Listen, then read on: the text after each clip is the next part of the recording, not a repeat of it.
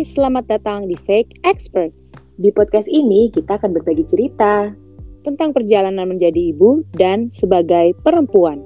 karena di setiap cerita pasti ada pelajaran hidup. Gue Tanti, Dan gue Medina, selamat mendengarkan.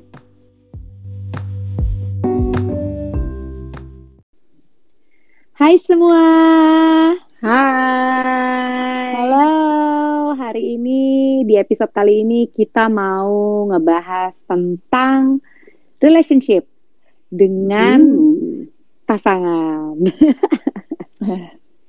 Pasangan hidup ya, ya, pasangan hidup, pasangan, pasangan duet kan. bukan. Sehidup semati sekasur sekamar mandi ya kan? Iya benar benar benar benar. Dan kita ternyata udah lama ya Tan. Udah, kita Eh, oh kita ya, kesannya kita ya. Iya iya iya. Maksudnya kita dengan pasangan kita masing-masing tuh ya, udah lama menjalin tali kasih. gitu. Iya benar-benar. Ya pokoknya hitungannya kita hitung aja yang gampang ya, kayak 10 plus lah gitu ya kan. Iya, enggak sih, gue baru lima tahun. Lima tahun penyesuaian. Aduh, iya iya iya iya. 10 plus benar. Tapi apa? Kayak kendala-kendala atau permasalahan muncul selama 10 tahun. Itu lo tuh ada nggak masa-masa terberat lo yang menurut lo nih masa terberat nih? Eh, gue tuh waktu itu sih eh, sudah tertanam, agak tertanam di otak gue karena orang-orang bilang itu kan lima tahun the first five years ya katanya Hmm. yang akan sulit banget gitu. Which is at some point benar juga karena memang kalau gue eh, setelah punya anak pertama itu eh, mungkin sampai tiga tahunan kali ya benar-benar yang karena lagi adjust dengan orang baru which is suami terus juga punya bayi gitu. Jadi adjustmentnya banyak banget yang menurut gue hmm, cukup berat sih memang di awal-awal pernikahan. Karena gue juga memang langsung punya anak gitu. Ya benar-benar. Eh, ya kan kalau lo gimana Kalau gue, ya itu sih benar. eh, lebih ke karena gue juga begitu nikah terus hamil dan punya anak gitu. Jadi ya eh, proses terberat ya ketika itu sih ketika punya anak karena relationshipnya kan udah nggak cuma gue berdua lagi kan gitu. Jadi ketika Iya, gue sedang melakukan adjustment, gue juga eh, dengan pasangan, gue sedang melakukan adjustment dengan pasangan, gue juga sedang melakukan adjustment dengan kehidupan keluarga, benar ya kan? Jadi kalau mungkin em, kita dengan pasangan ya pasangan kita gimana, kita harus seperti apa tuh urusannya berdua. Cuma ketika kita punya anak kan eh, pikirannya jadi bercabang juga kan, which is kadang feel exhausted gitu, misalnya baru lahiran, lo pasti capek, pasti kayak gitu-gitu. Nah, untuk catching up dengan pasangan juga kadang menurut gue eh, di situ pro- problemnya gitu. Iya, benar. Dan mungkin eh, kalau di awal-awal itu karena kita juga masih mencoba untuk saling mengenal, tapi di satu sisi kita juga masih banyak ekspektasi-ekspektasi ya, karena kita eh, nggak mungkin gue sen- gue sendiri terbentuk kayaknya dulu kalau menikah tuh nanti harus begini, role-nya suami itu harus seperti ini, role-nya istri itu harus seperti ini, atau role-nya ibu itu harus seperti ini, role-nya bapak itu harus seperti ini, idealnya di kepala gue gitu. Tapi kan kenyataannya banyak hal-hal yang uh, tidak sesuai dengan ekspektasi kita gitu kan.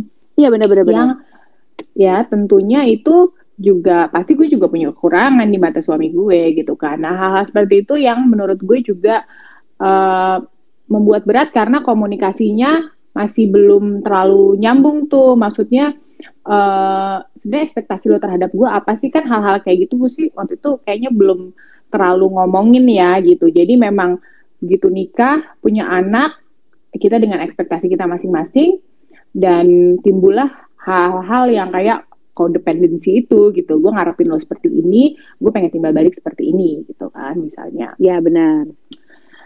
Em, jadi itu sih yang menurut gue paling sulit. Jadi eh, komunikasi kali ya. Komunikasi tuh bukan gak nyambung ya tapi untuk hal-hal mendasar yang kita tuh sebenarnya juga nggak diajarin kan. Kayak lo tuh harus tahu ekspektasi lo terhadap suami lo sebagai bapak itu kayak gimana gitu dan sebaliknya. Terus nanti lo mau em, apa namanya punya pola asuh seperti apa terhadap anak itu kan as we go aja bukan sesuatu yang kayak kita putuskan di depan kita omongin. Mungkin ada beberapa orang yang sudah aware harus melakukan itu ya itu sih bagus gitu ya. Tapi kalau untuk case gue kayaknya ya gue bener-bener as we go gitu apa pada di anak pertama ini gitu ya sama Gak sih anak. Ya. gue juga itu nggak membicarakan secara detail gitu loh Uh, kadang yeah. kadang kenapa kita tidak mengkomunikasikan secara detail juga kadang momen-momennya ya kalau menurut gue kayak uh, belum tepat atau kayak nggak hmm. nemu momen di mana akhirnya kita bisa sampai pembicaraan ke situ gitu loh. Kalau menurut gue kadang yeah. mungkin ada orang yang emang udah plan dari mungkin mereka pacaran kita harus A B C D. Gue nggak tahu deh. Tapi kalau gue lebih ke ya mengikuti alur aja gitu loh yang sampai akhirnya gue bisa menemukan uh, ke titik sekarang nih gitu kayak yeah. pernikahan tuh menurut gue perjalanan hidup juga nggak sih gitu yang ya yeah. harus kita ikutin gitu loh. Mungkin tadinya kayak lo bilang ekspektasi kita tuh terlalu besar. Mungkin pada saat itu menurut kita penting gitu kayak ya haruslah gitu kan. Lo kan harusnya sebagai suami harus gini gue sebagai istri tuh harusnya seperti ini. Ketika yeah, itu nggak terjadi yeah ya chaos di dalam diri sendirilah yang terjadi gitu kan. Terus kita punya anak lu tapi kayak gini nggak sesuai harapan. Itu kayaknya pasti terjadi sih karena seiring dengan perkembangan apa ya emosional um, ya kan yang kayak kematangan ya, itu kan juga menjadi faktor sih kalau menurut gue uh, Iya, growth ya, aja. Iya, ya. gitu. Mungkin itu juga yang disebut kayak kita tuh berkembang bersama tuh ya di itu juga termasuk gitu loh. Iya, benar dan kayak uh, perjalanan kita merintis misalnya merintis rumah tangga lah ya gitu hmm. in terms of financial dan dan emosional. Itu tuh menurut gue emang gue sih senang bisa melalui itu karena gue pengen pengen juga punya cerita yang dulu tuh gue susah lo kayak gini. Maksudnya kita tuh bener-bener membangun itu bersama gitu dan dan itu it's a beautiful thing to look back gitu menurut yeah, gue. sih. karena gue sekarang ya kan di di di 10 tahun plus ini ya kita jadi kan suka ngobrol ya. Kita look back terus kayak ya ampun dulu tuh kita kayak gini ya gitu. Kayak merintis hidup gitu. Kayak kalau dilihat balik kita masih anak-anak gitu kan yang hebat juga ya kita bisa melalui itu bareng gitu. Dan konflik itu uh, kalau di awal pernikahan sih menurut gue mungkin untuk saat itu pada saat itu kejadian itu mungkin rasanya berat sekali. Tapi uh, itu membuka hal-hal pembicaraan-pembicaraan yang mungkin otherwise nggak bakal kita keluarin kalau nggak terjadi konflik itu gitu. Iya betul. Ya, contohnya kayak tadi kan kayak soal pola asuh misalnya. Oh lo tuh mau membesarkan anak tuh dengan cara seperti ini, gue nggak pernah tahu karena di benak gue, gue itu mau membesarkan anak dengan cara yang seperti A gitu. Ternyata dia caranya maunya B, ya kan? Dan akhirnya terjadi kayak compromise gitu kan lo kayak akhirnya bernegosiasi dan oke okay, jalan tengahnya adalah seperti ini gitu karena kan um, kita menikah dengan banyak um, apa namanya uh, childhood trauma ya which is bukan bukan sama sekali bukan hal yang jelek gitu ya itu memang memori-memori kita selama kita tumbuh aja menjadi apa namanya orang dewasa aja kan gitu dari masa lalu masa lalu kita gitu jadi memang banyak faktornya yang uh, apa namanya membentuk seseorang ya gitu. Iya benar-benar setuju gue. Dan nah. memang kadang kita harus sampai ke momen-momen itu tuh benar kata lo tadi supaya hmm. akhirnya apa yang benar-benar kita rasakan itu akhirnya keluar gitu. Kadang terkadang kan sebagai individu mungkin ah mungkin gue terlalu gini kali makanya nggak lo omongin ya kan hmm kadang ada ketakutan-ketakutan di mana kita takut pasangan kita tidak bisa menerima bukan maksudnya menerima kayak kalau istri gue tuh gini terus gue gak suka bukan tapi maksudnya tidak bisa menerima pemikiran yang sama gitu which is itu butuh proses. Ada perjalanan di situ momen-momen yang akhirnya kita bisa jadi satu visi dan misi gitu kalau menurut gue ya. Iya benar, emang uh, kita harus melihat itu at the end of the day ya pelajaran sih gitu, bener yang um, ya kalau orang tua gue suka bilang ya itu tuh pelajaran hidup gitu. Lo harus ambil hikmahnya dan segala macam. Ya memang benar gitu karena kan kita menjadi lebih baik setelah itu gitu ya terkait pembahasan kita tadi tentang um, apa namanya perjalanan pernikahan ya, gue mendapatkan satu artikel nih tadi Psychology Today. Jadi uh, judulnya The Marriage Map, hmm. peta pernikahan. Hmm.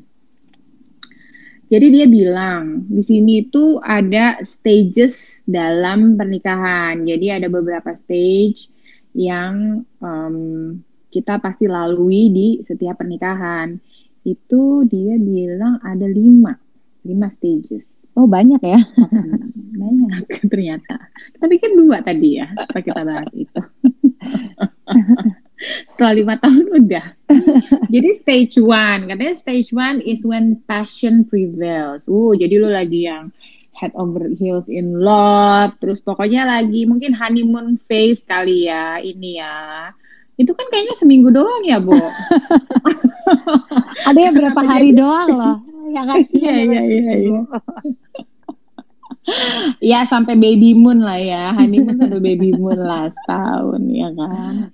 Terus um, apa namanya stage 2 katanya itu what was I thinking? Oh iya iya iya. Jadi ini uh, ketika uh, kita mulai adaptasi dengan kebiasaan-kebiasaan pasangan kita seperti little things yang uh, membuat lu kesel gitu kan misalnya toilet seatnya nggak diturunkan ketika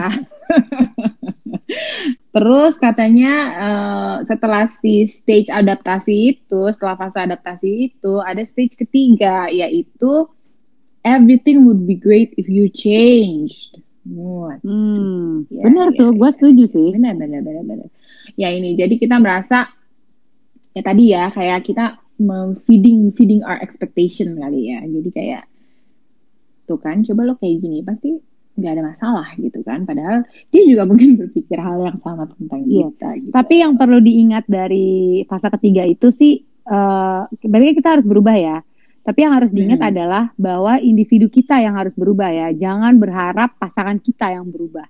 Betul. Kalau uh, lo berharap pasangan kita yang berubah, ya you go nowhere. Tapi ketika lo yang berubah, kita nih sebagai individu kita ini yang berubah, sadar bahwa kita harus berubah, itu yang akan membuat perbedaan.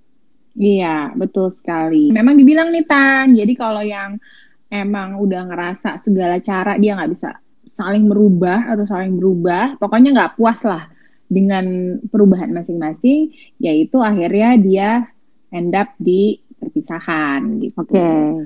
Um, setelah itu stage 4 atau fase keempat, uh, katanya that's just the way he or she is. Jadi uh, kita mulai pelan-pelan menerima. Yeah At the end of the day, you have to accept. Iya, kita menerima uh, sifat-sifat uh, bad, good, uh, strength, weaknesses, semuanya kita terima orang ini apa adanya. Mungkin bisa jadi ini yang dibilang um, apa namanya menuju ke unconditional love ya.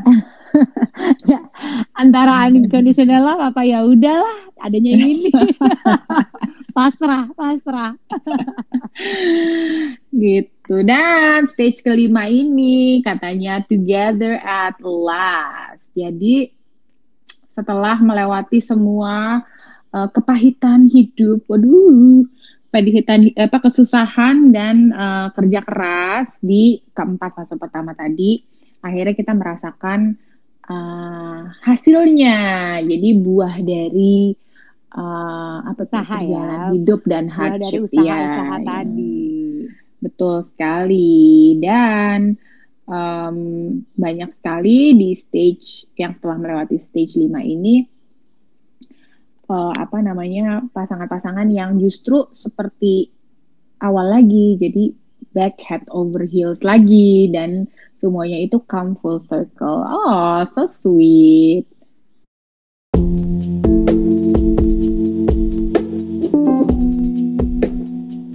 Please subscribe our podcast Fake Experts and follow our Instagram at fake.experts.